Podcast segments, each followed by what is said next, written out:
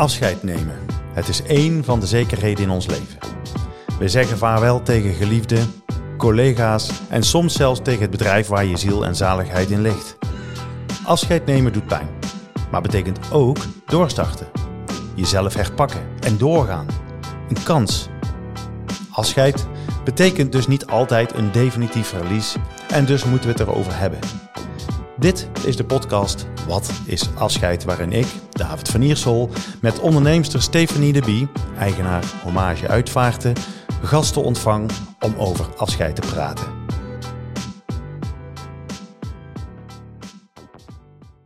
Vandaag gaan we in gesprek met Manon Pijnenburg, marketingmanager en co-owner bij AAE in Helmond. En AAE is een high-tech machinefabriek. Dit is overigens de omschrijving, eh, Manon, op, op, op LinkedIn, uh, zodat ik het helemaal helder had. Uh, klopt dat? Welkom in onze podcast trouwens. Dankjewel. klopt dat? Ja, dat klopt. inderdaad. Bent u daarmee akkoord? Ja, zeker. zeker. Ik ben inderdaad mede-eigenaar van ons familiebedrijf. AAE, samen met mijn twee broers en mijn moeder. En daarnaast verantwoordelijk voor marketing binnen het bedrijf. Precies, dus die uh, betiteling die klopt helemaal. Maar voordat we dadelijk daarover allemaal gaan praten, uh, wie is Manon Pijnenburg uh, verder? Um, ja, ik ben Manon, ik ben 36 jaar, moeder van twee kindjes, twee jongens, Tijn en Mees, samen met Tom. Wij wonen in Helmond met heel veel plezier, waar ook ons familiebedrijf zich bevindt. En um, nou ja, waar ik uh, sinds zeven jaar, even los van daar, al mijn hele leven werkzaam te zijn geweest. Ja, vanaf je twaalfde. Ja, ja, ja. ik heb al binnenkort mijn 25-jarig jubileum. dat, dat wordt een, een, pen met inscriptie al, heel jong. Ja, ja dat is heel bijzonder. Um, maar dus, dus in zeven jaar ook, uh, ook ja, eigenaar ben, dus ondernemer ben. Ja. Ja, en dat, dat ondernemerschap en eigenaar zijn, dat is misschien ook wel in een bepaalde versnelling ontstaan door het overlijden van je vader. Ja, ja het was. Uh, ja, het was zeven jaar. Mijn vader is bijna zeven jaar geleden overleden. En um, we waren wel ook met elkaar al in gesprek over uh, het familiebedrijf en uh, de overname daarvan en hoe we het heel graag in de familie wilden houden. Maar eigenlijk nog niet zo ver dat we die stap al gingen maken. Mijn vader was 58 en stond midden in het leven, midden in het bedrijf. Ik was op dat moment 30, uh, mijn twee broers beide jonger. Dus 28 en 26, de een nog aan het studeren. Dus inderdaad, op dat moment was het eigenlijk nog niet de bedoeling. Ja, maar soms uh, lopen ja. de dingen anders dan je zou kunnen plannen. Ja. En uh, nou ja, dat heeft best veel impact gehad, kan ik me zo voorstellen. Want de regie werd overgenomen door uh, ja, het lot, zeg maar. Zeker. Ja, zeker. Ja, het is een, een, een mijn vader heeft een kort ziektebed gehad.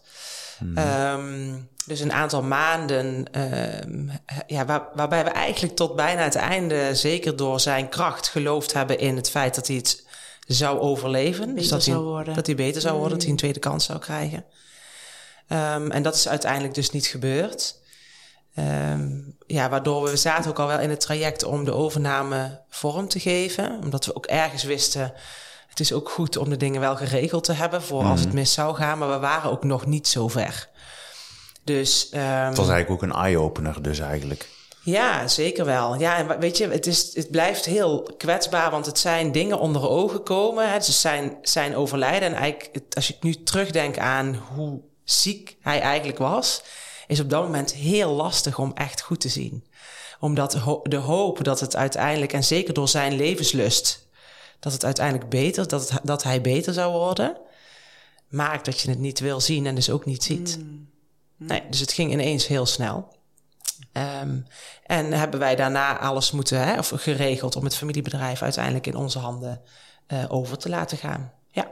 Hebben jullie nog wel genoeg tijd gehad om met hem te bespreken hoe, hoe hij zijn nalatenschap hè, qua bedrijf, hoe hij dat geregeld zou willen hebben? Of is dat niet meer aan bod gekomen? Nou ja en nee. Um, hij uh, is daar eigenlijk altijd ook wel heel duidelijk in geweest. Ik heb heel lang met mijn vader mogen samenwerken. Um, acht jaar ben ik uh, verantwoordelijk geweest voor HR. En daarmee heb ik naast hem gewerkt. Uh, waar ik achteraf in alle opzichten heel dankbaar voor ben. Um, en heb in die, uh, die functie heel erg gezien hoe hij het bedrijf leidde. Mm -hmm. uh, en daar heb ik nu daar heb ik zoveel aan, want ik, ik weet het, omdat ik, er, omdat ik ernaast stond. Um, en toen hij ziek werd, um, in het begin ook was hij heel duidelijk in, uh, in wat er gedaan moest worden. En zeker ook richting mij. Uh, dat hij echt ook wel van mij verwachtte dat ik er voor het bedrijf was. Um, en ook een klein beetje de zorg, zeg maar, die hij normaal had of zou hebben over van hem overnam. En aan de andere kant wilde hij niet dood. Dus daaraan toegeven en dus het gesprek hebben over wat nu als ik er dadelijk niet meer ben en wat verwacht ik dan van jullie of wat zie ik voor de toekomst van AHE? Dat gesprek hebben wij nooit mm. letterlijk gevoerd, omdat hij dat gesprek niet kon voeren, want het was niet aan de orde. Mm. Dus het is een beetje een mix van beide. Eigenlijk. Wellicht, mm -hmm, ja. Mm -hmm. Ja, wellicht. En, en toch inderdaad zo de, de overtuiging en de levenslust zien. Uh, ik denk vanuit die kracht, vanuit dat positieve uh, ook strijden.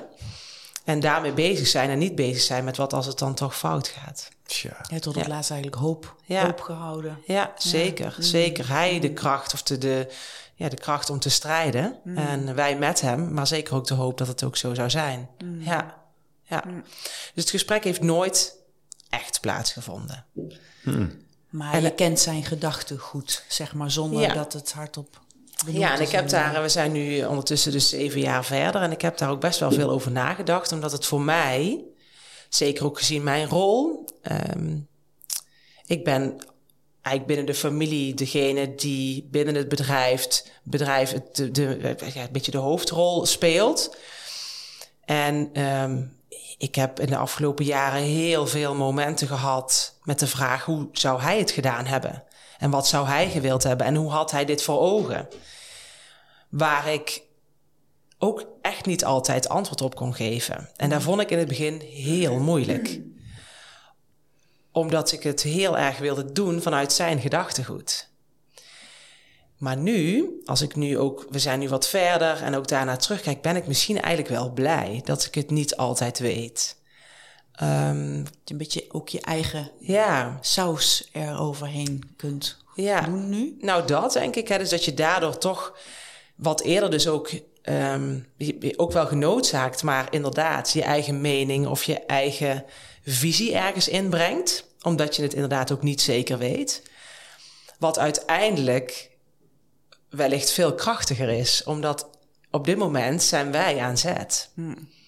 En is hij er niet meer? Um, en is het denk ik heel belangrijk voor het bedrijf en voor ons dat het onze visie is. Ja. Wij zijn op dit moment staan aan het roer van het bedrijf en het gaat uiteindelijk om onze visie. En ik sprak met iemand en ik was altijd heel krampachtig op zoek naar antwoorden op vragen die ik hem nooit gesteld had.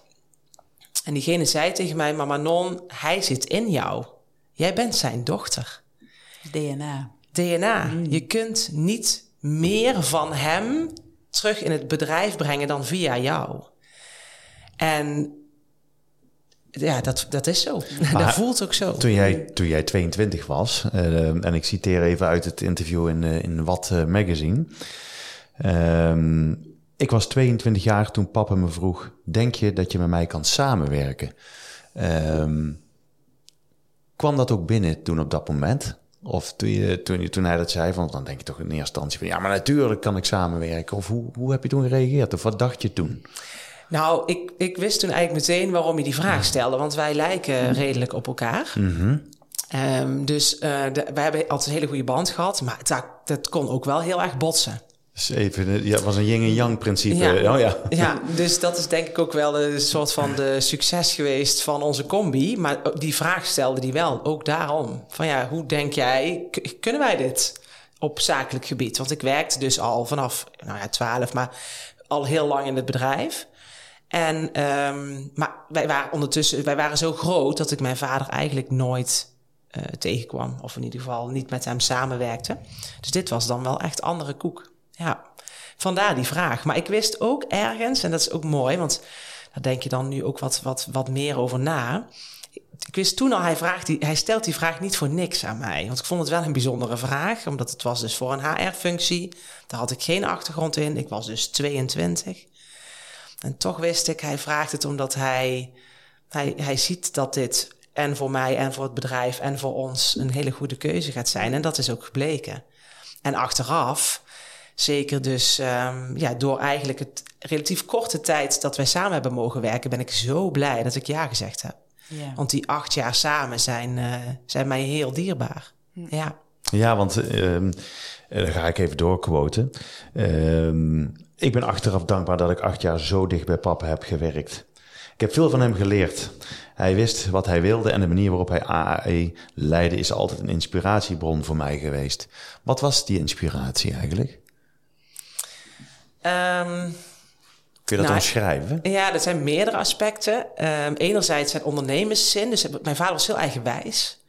Die wist heel goed wat hij wilde. En, en als hij dan ja, ergens tussen gedachten opgezet had, dan ging die all the way. Dus alles, niks was te gek. Um, hij zorgde dat het gebeurde. De, de, ja, uh, met de mensen om zich heen, maar ook op de, ja, op de manier dat het, dat, het, ook kon gebeuren. Dus dat is voor mij een, ja, echt een hele grote inspiratie. Een beetje de, de lef, de ondernemerslef. En wat ik heel mooi vond aan mijn vader is het... Uh, mijn vader is, was echt geïnteresseerd in mensen. En dat besefte ik, heb ik me altijd wel beseft, maar na zijn overlijden nog veel meer. Want um, wat ik dus ook heb geleerd is dat mensen beginnen pas echt te praten over mensen als ze er niet meer zijn. Dus de verhalen die ik over mijn vader heb gehoord na zijn overlijden zijn zo bijzonder geweest. Uh, vanuit zakelijke oogpunt, maar ook vanuit zijn netwerk. Mijn vader deed veel naast de AE in de regio. Ja, die verhalen zijn zo prachtig. Die had ik nooit gehoord als hij er nog was geweest. Dat is, eigenlijk, is toch eigenlijk treurig, hè? Echt treurig. Ja. ja. ja. Wij praten inderdaad weinig, denk ik, over anderen in die zin of tegen anderen. Um, met waardering of met, met hoe bijzonder iemand of iets eigenlijk is. En nou goed, dat kwam toen allemaal boven. Ik vond het prachtig. En toen realiseerde ik me nog meer dan dat ik het eigenlijk al wist, is hoe hij de connectie maakte met mensen. Hm. En, en hoe ehm, was dat? Hoe maakte hij die verbinding? Nou ja, door echt geïnteresseerd te zijn in de ander. Dus hij, was, hij wilde oprecht heel graag weten hoe het met de ander was, wat iemand drijft. En dat kon inderdaad in het netwerk zijn, in, um, met andere ondernemers of, uh, of ministers, of het maakte eigenlijk niet uit, maar ook alle mensen in zijn bedrijf. Mm -hmm. In welke rol dan ook. Iedereen was gelijk, iedereen heeft een verhaal, iedereen draagt op zijn of haar manier iets heel belangrijks bij aan het grotere geheel en daar echt geïnteresseerd in zijn. Dus echt vragen hoe is het met jou en wat kan ik voor jou doen? Ja, dat is wel uh, wat hem heel uniek maakt. Hè? En, um, Heb je dat overgenomen? Ja, dat denk ik wel. Ja, ja. De, de, de lefkant, daar vind ik heel inspirerend. Daar mag ik nog wat aan werken. Uh, maar de, de, zeker de zorgkant en de, de, de oprechte geïnteresseerdheid in mensen, ja, dat zit er wel in. Ja, ja. Mensen is het mooiste wat er is. Ja. En wat is dat lefstukje dan? Want eh, dat vind ik dan ook wel interessant om te horen. Wat, wat, had hij meer dan, dan jij? Behalve dat het dan lef heet. Nou, ik, hij, hij, maakte wel, hij, hij maakte wel keuzes die uh, niet altijd even voor de hand liggend waren. Of uh, hij had echt wel altijd een, een, een, visie die anderen dan nog niet zagen. Waarbij we dan achteraf allemaal dachten: goh, ja, dat, dat was inderdaad, uh, dat was inderdaad heel goed. Visionair. Ja, mm -hmm. ja. En, mm -hmm. en hij, hij durfde daar dus ook voor te gaan. Tegen, ook al zei iedereen, doe dat doe nou niet. niet. Hij, de, hij deed gewoon. Mm. Hij deed het gewoon. En dat vind, ik, dat vind ik wel inspirerend. Daar zijn wel dingen voor mij in mijn ontwikkeling ook als ondernemer. Um, ja, daar, daar, daar, heb ik, daar mag ik nog, soms misschien nog eens iets meer van. In ieder geval van laten zien. Of wel durf, het durven doen ook. Want dat is het vaak. Hè? Dat is het lefstuk. Je kunt iets bedenken en iets vinden, maar het dan ook durven doen. Ja. Ja, maar um, heb je al situaties meegemaakt dat je dacht, oh, nou zeg ik dit, maar papa zou dat hebben gezegd? Dat je het afweegt tegen de gedachte? Nou, ja, nou, ik ben in het begin, ik merkte dus in het begin uh, na het overlijden, um, nam ik dus nam ik beslissingen vanuit, vanuit zijn gedachtegoed. Omdat ik wist, zeker in het begin, oh, dit had hij op die manier gedaan. Ondertussen is het bedrijf zeven jaar later ontzettend hard gegroeid. Dus wij zijn ook een heel ander bedrijf dan zeven jaar geleden. Dus het wordt ook steeds moeilijker om daar zijn visie op te plotten. Maar in het begin gebeurde dat zeker. Maar voelde ik ook toen al wel van, goh, ja, ik vind eigenlijk iets anders. Um, ik sta op een andere manier in het leven. Ik vind eigenlijk dat we op een andere manier um, zouden moeten kijken naar bepaalde keuzes in het, op het gebied van geld bijvoorbeeld, of op het gebied van um, wat je wel of niet doet met je medewerkers. Dus daar, daarin, en dat heeft best wel tijd gekost voor ik uiteindelijk mezelf ook durfde te zijn. Of ontdekte van hé, hey, maar wat vind ik dan? En dat ook durfde uit te spreken. En daarin heb ik me echt wel ontwikkeld. Ook doordat ik ondertussen weet, um, omdat hij zit in mij en door mezelf te zijn, ondertussen zijn we zeven jaar verder en, en dan mezelf, en dan bedoel ik ook eigenlijk de, ons vieren, dus met z'n vieren, hebben wij, ons, ja, hebben wij iets prachtigs neergezet en verder doorgebouwd. En, en, en is er ondertussen ook vertrouwen in dat, wij, dat we dat kunnen. Maar wat denk je? Kijkt hij mee? Ziet hij dit? Wat, waar geloof jij in? Ja, dat vind ik heel lastig. Ja, ik hoop het. Ik zou het mooi vinden. Hmm. Ik zou het heel mooi vinden, ja. Ook voor hem of zo. Hmm. Maar ik vind het wel, uh, ik, ik weet het niet zo goed. Nee, dat weet niemand. Nee, maar ik weet het niet zo goed. Dus ik weet dus ook niet zo goed wat ik geloof. Hmm. Ja, ik zou het uh, ergens heel graag willen. Dat is een mooie gedachte wel, hè? Ja, vind ik ook. Ja. vind ik ook. Vind ik een mooie gedachte. Want als, als het dan over verbinding gaat, is er dan iets waarvan je denkt uh, van... Uh, zou dat iets van hem zijn of een, een teken? Of uh, hou je je ergens aan vast? Of is die hoop ook nog ergens op gebaseerd? Nee, dus dat is het beetje het tweeledige. Daar vind ik het dus ook zo moeilijk aan. Mm -hmm. Dat ik het... Ik heb dus niet het gevoel dat ik het, dat ik het voel of dat het in tekens zit. Mm. Um, dus ik zou het mooi vinden als het zo is, maar het is niet, het is geen, het is, nee, het is niet aanwezig voor mij. Nee. Nee. Ja, dat, dat heb ik persoonlijk eerlijk gezegd ook wel met mijn moeder. Dat ik uh, de eerste jaren dacht van, uh, ja, ik zocht de, de, connectie nog, maar dat ik dat niet vond. En op een gegeven moment moet je dat loslaten. Ja, precies en dan uh, kom je tot de conclusie van, ja, je staat er ook gewoon alleen voor en het is gewoon klaar. Ja. En, Althans, dat is voor mij dan. Dus, ja, uh, nou, maar daar herken ik wel. Het is voor mij wel hetzelfde. Ik heb het denk ik in het begin van de jaren heb ik het wel ook gewild, nog meer. En nu, het is ook oké. Het is oké. Mm. Het feit dat hij in mij doorleeft, door wie ik ben als zijn dochter, is, vind ik zo mooi. Ja, is mooi. Ja. ja. Dus, dus het is oké. Ja. En in jouw kinderen. En in mijn kinderen. Ja. Mm. Ja, zeker. En het is ook heel leuk om dus in mijn kinderen, of in ieder geval in een van de twee, ook mijn vader terug te zien. Hij is pas 2,5, bijna 3. Het is heel klein, maar ik zie het gewoon. Prachtig. Ja. Mooi. Ja, heel mooi. En dat is wel, moet ik zeggen, en daar heb ik nog wel het, het feit, mijn vader is nooit opa kunnen worden. Um, mijn moeder heeft ondertussen zes kleinkinderen. En, um, het is hard gegaan toen. Het is hard gegaan, ja zeker. Zo. Ja, in vier jaar tijd. Ja. Dus uh, er, is, er is veel gebeurd en mijn vader heeft dat nooit mee mogen maken. daar, vind ik, daar heb ik, daar heb ik nog wel het meeste pijn van. Ja, daar, had ik hem, daar had hij zo fantastisch gevonden. Mm. Ja, dat snap ik. Echt, mm. ja. Maar dat is dan ook echt uh, het gemis. Ja. Zeg maar. ja. Ja. ja, dat snap ik. Zeker. Maar uh, terug even in de tijd. toen jouw vader stierf, toen kwam er eigenlijk heel veel druk op de familie te liggen. Uh, jij was nog eigenlijk relatief jong, in ieder geval nog onervaren. Te onervaren om zo'n mooi bedrijf en zo'n groot bedrijf al helemaal alleen met je broers te gaan doen. Um, toen, wat toen? Wat is er toen gedacht van hoe gaan we dit verder voortzetten? Want het moet ook geleid worden, dit bedrijf. Ja.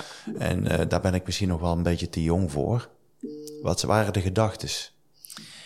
Um, ja, dat, dat hadden we allemaal wel heel duidelijk. We wilden het beste voor het bedrijf en we wisten heel goed dat zijn wij op dit moment nog niet. Gezien onze leeftijd en um, onze ervaring die we nog niet hadden. Mijn moeder had, heeft de ambitie ook helemaal niet om die rol in het bedrijf te spelen.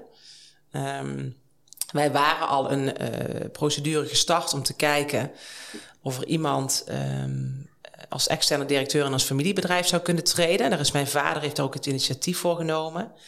Op dat moment in ieder geval zeggende van ik, ik wil, als ik die tweede kans krijg waar ik vanuit ga, dan wil ik het anders. Dan wil ik ook mijn privé-werkbalans anders.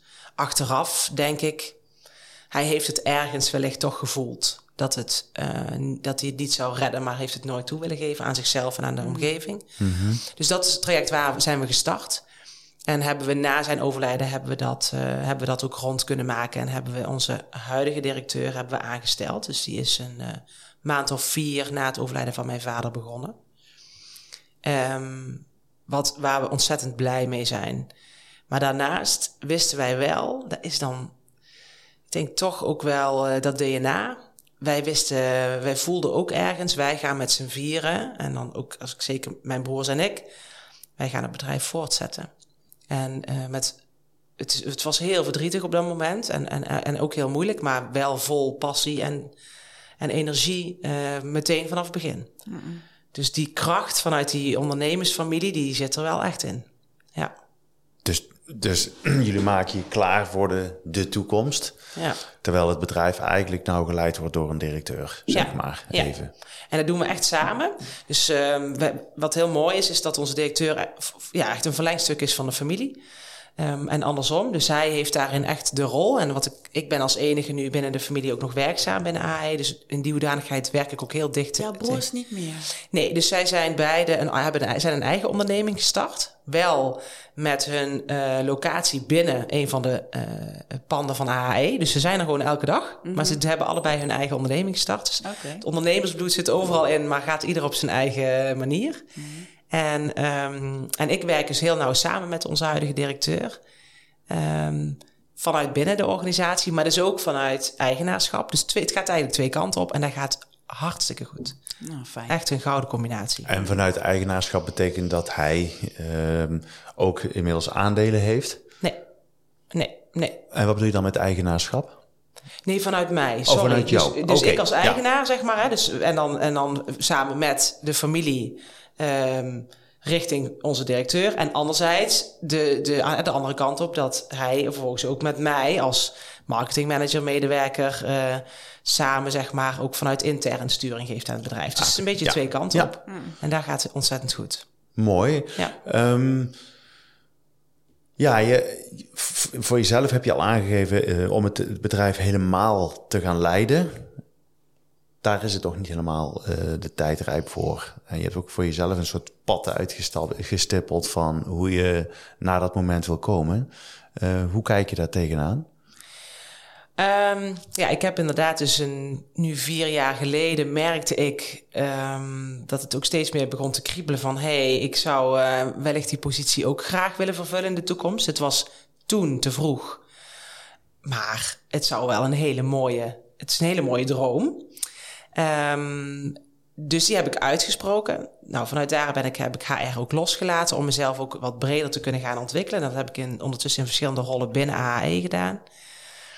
En um, we hadden het over het lef-stuk. Het stukje wat ik me daar, waar ik me daar nog, in zou kunnen ontwikkelen. En voor mij, even los van dat, er is ondertussen ontzettend veel gebeurd. En um, in die afgelopen zeven jaar is er genoeg uitdaging geweest. Dus ik wil dat niet uh, um, wegwuiven. Maar ik merk ook, HE is wel mijn veilige haven. Al heel lang. Ik, dat, is, dat is waar ik werk, dat is waar ik kom, dat is waar ik ben opgegroeid, waar mm.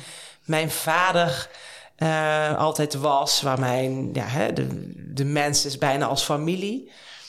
En um, dus ik heb voor mezelf besloten om het lefstuk te ontwikkelen, om daar dus ook een keer uit te stappen.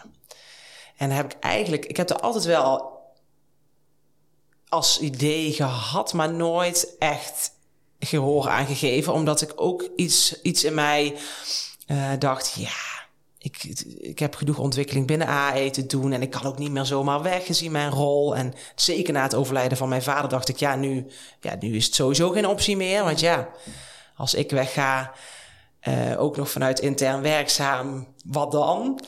Um, en mijn vader heeft ja, letterlijk, maar ook wel, ik wist het gewoon, heeft wel ook tegen mij gezegd van nou Manon, nou ga jij voor HAE zorgen. Dus dat was geen optie.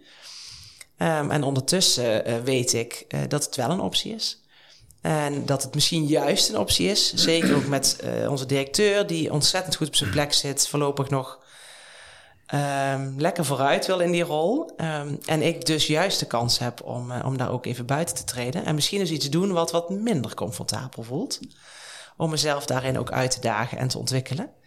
Um, om uiteindelijk dan ook weer terug te komen, maar wel met een hele andere ervaring dan dat ik gewend ben. Maar heb, heb je al een plan dan? Heb je al een, of een wens? Of een... Nou ja, ik heb nog niet. Nou, daar ben ik dus eigenlijk volle bak mee bezig om, die, uh, om dat plan te maken. Dus ergens uh, in de loop van volgend jaar is de bedoeling dat ik een uh, stap ga maken. En dan voor een bepaalde periode, twee tot drie jaar, um, ja, buiten AHE, mijn ervaring op ga doen. En in wat voor bedrijf dat dan gaat zijn en in welke rol, dat gaan we, zijn we nu met elkaar aan het, uh, aan het bepalen. Mm -mm.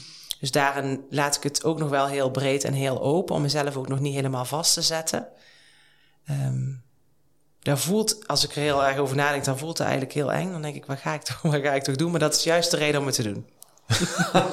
ja, dat is dat uit de comfortzone. Ja, ja precies. Ja, ja, daarbuiten gebeuren altijd de mooiste dingen. Ja, want daarbinnen is het uh, is allemaal bekend, hè? Zo is het. Ja, ja dat zeggen ze. Groei, de groei gebeurt in het oncomfortabele. Ja. Dus um, ja, maar je, ja, goed, doen. je bent ook nog heel jong in principe. Dus Zo is het. Ja. Het is dus nu de tijd om ook uh, daarvoor te staan. Dus, ja.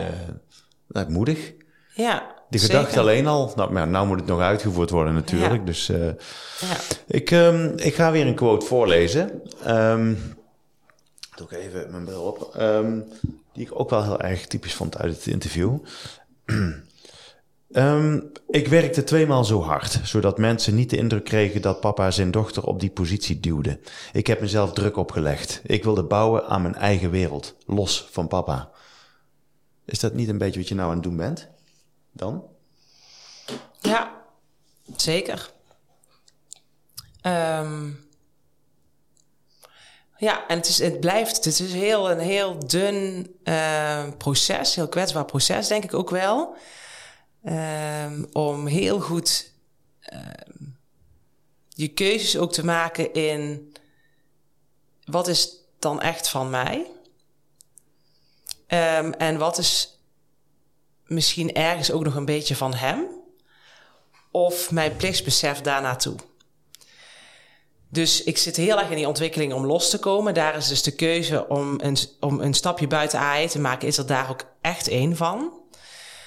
Um, omdat, ik, omdat ik mezelf ook besef dat vanuit misschien wel oudste dochter, vanuit degene die altijd werkzaam is geweest in het bedrijf, ergens me ook verantwoordelijk voel. Hm.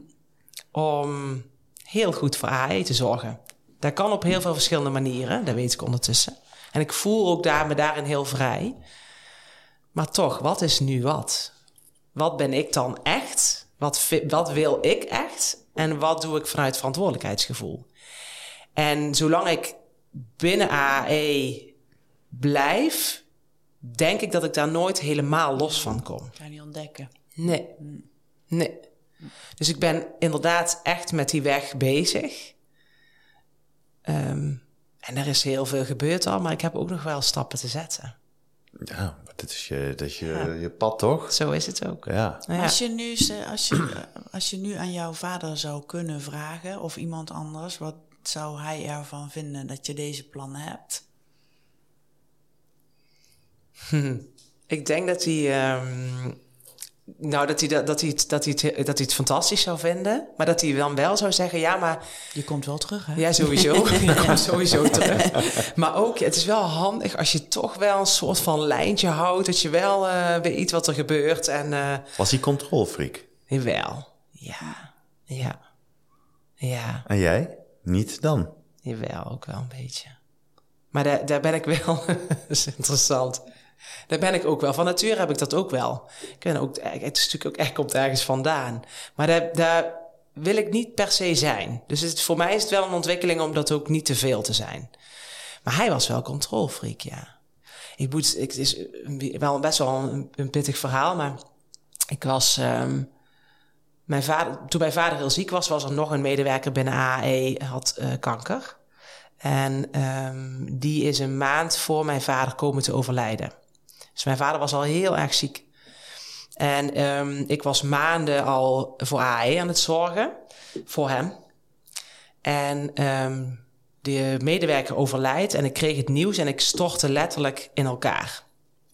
Omdat dat een confrontatie was met iets waarvan ik wist... Ja dus dat, het, dat gaat bij jullie ook gebeuren. Dat gaat wellicht bij mm. ons ook gebeuren. En ik was zo hard aan het werk al die maanden. En ineens was er een moment dat ik besefte um, wat, wat er eigenlijk allemaal aan de hand was.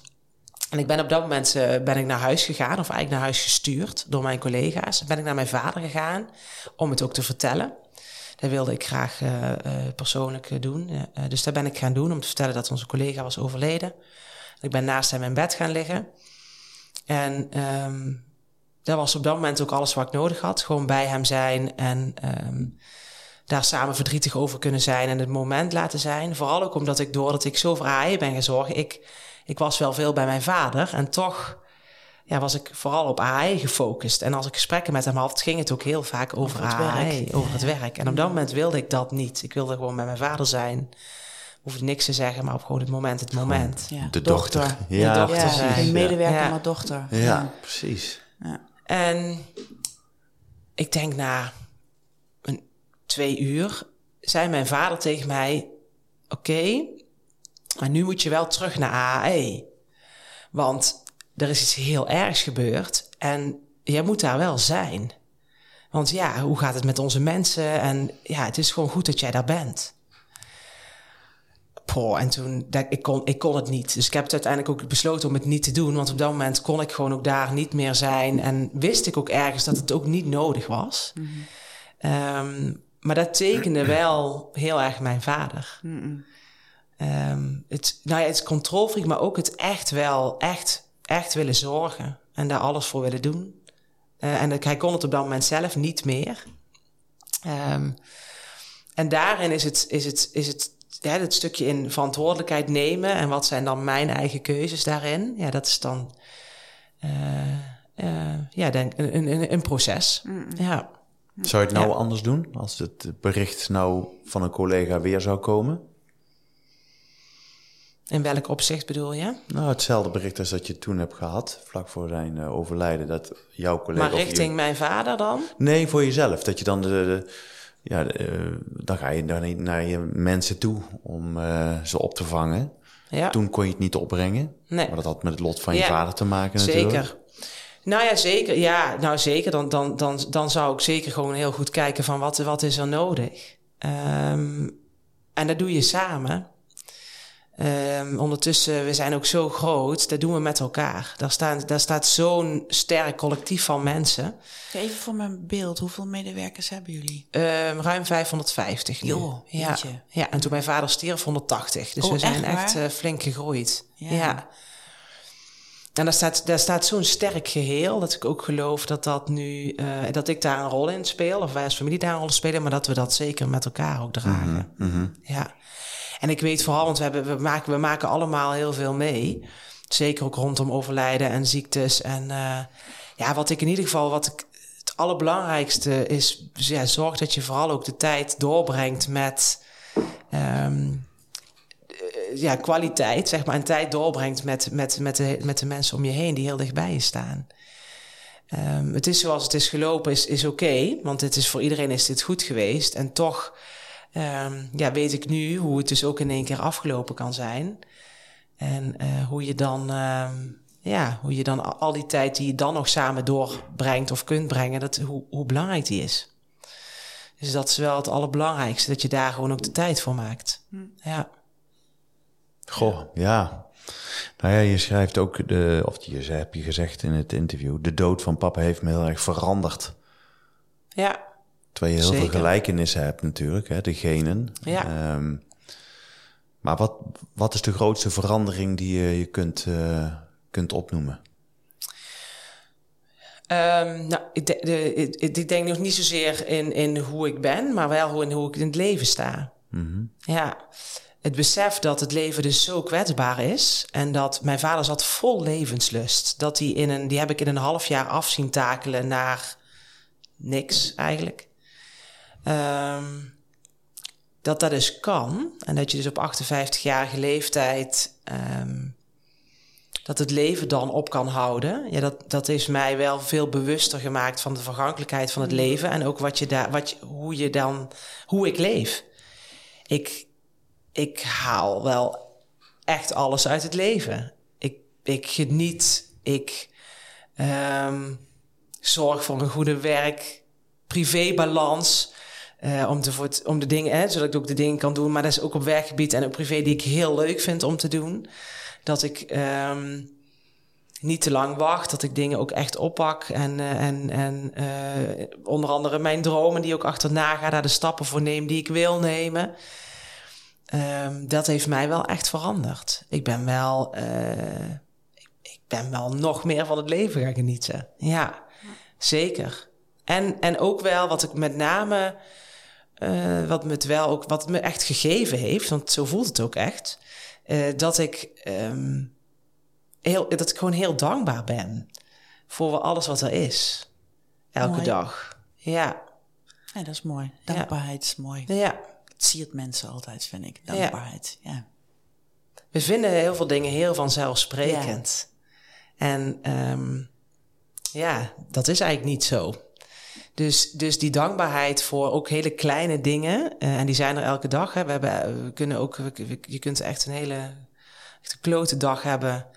Uh, misschien door één ding, waardoor de honderd kleine dingetjes die prachtig zijn, of misschien ook wel hele grote dingen die je hebt, die we, die we dan vergeten daar probeer ik elke dag heel bewust van te zijn dat er heel veel is uh, waar je heel dankbaar voor mag zijn.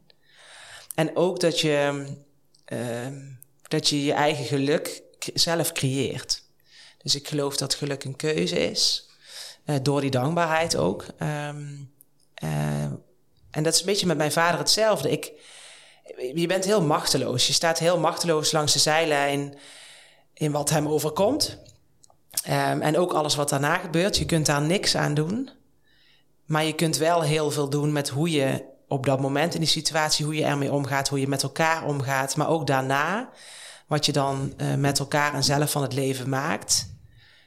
Uh, daar kun je wel verantwoordelijkheid voor nemen. Daarin heb je altijd zelf een keuze. Ja, een invloed. Ja. ja. ja. En dat is ook wel, dat is denk ik ook wel de houvast die je dan hebt. Um, en, en iets wat ja, de dood van mijn vader, hoe verdrietig ook mij wel gegeven heeft. Hmm. En daar ben ik dan ook maar weer heel dankbaar voor. Hmm. Ja. ja. Dat je het zo kunt zien. Ja. Hoe, hoe, zit, hoe zit dat bij jou, uh, Stefanie? Want jij maakt dagelijks uh, toch best wel pittige gevallen mee. Van mensen die uh, afscheid moeten nemen van, van anderen.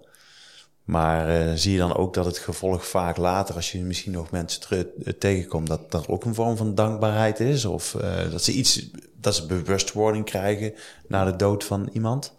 Nou, ja, wat ik wel vaak zie, komt natuurlijk al vaak in beeld als mensen ernstig ziek zijn. Um, dat mensen alle, alle hun wensen voor willen bespreken. En dat ik dan vaak te horen krijg hoe waardevol die periode is. Uh, ik heb al een paar keer gehoord van iemand die dus zelf ernstig ziek was. Ze zei, ja, dat klinkt raar, is een van de mooiste periodes uit mijn leven.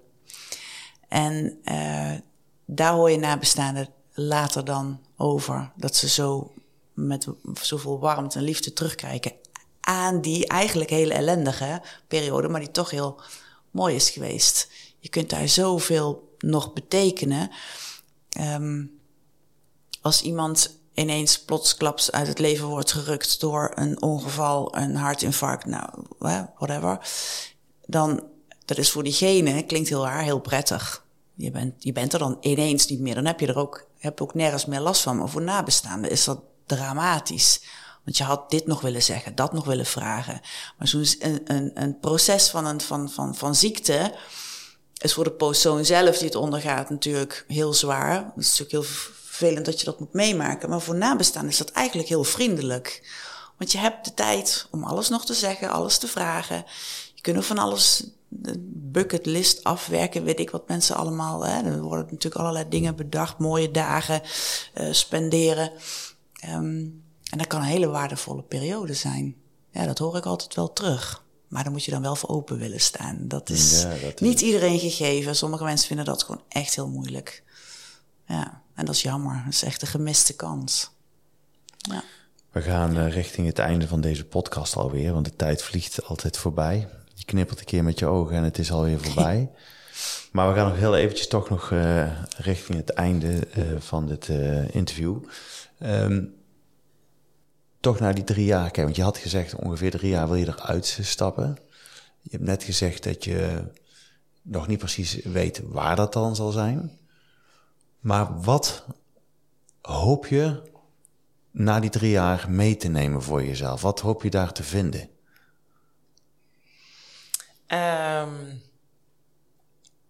nou, tweeledig. Mm Enerzijds um, nog dichter bij mezelf te komen.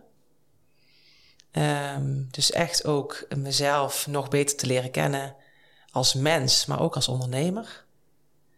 En uh, hoe ik op, op als ondernemer ook iets wil en kan betekenen voor de wereld. Um, en dan echt puur vanuit mijzelf. Dus dat hoop ik daar te vinden. En daarnaast door die stap ook te maken, wat we net al zeiden. Um, ja, toch wel even een keer iets, echt, echt iets anders te doen. Dat je denkt, potverdikke, dat heb ik toch wel mooi gedaan.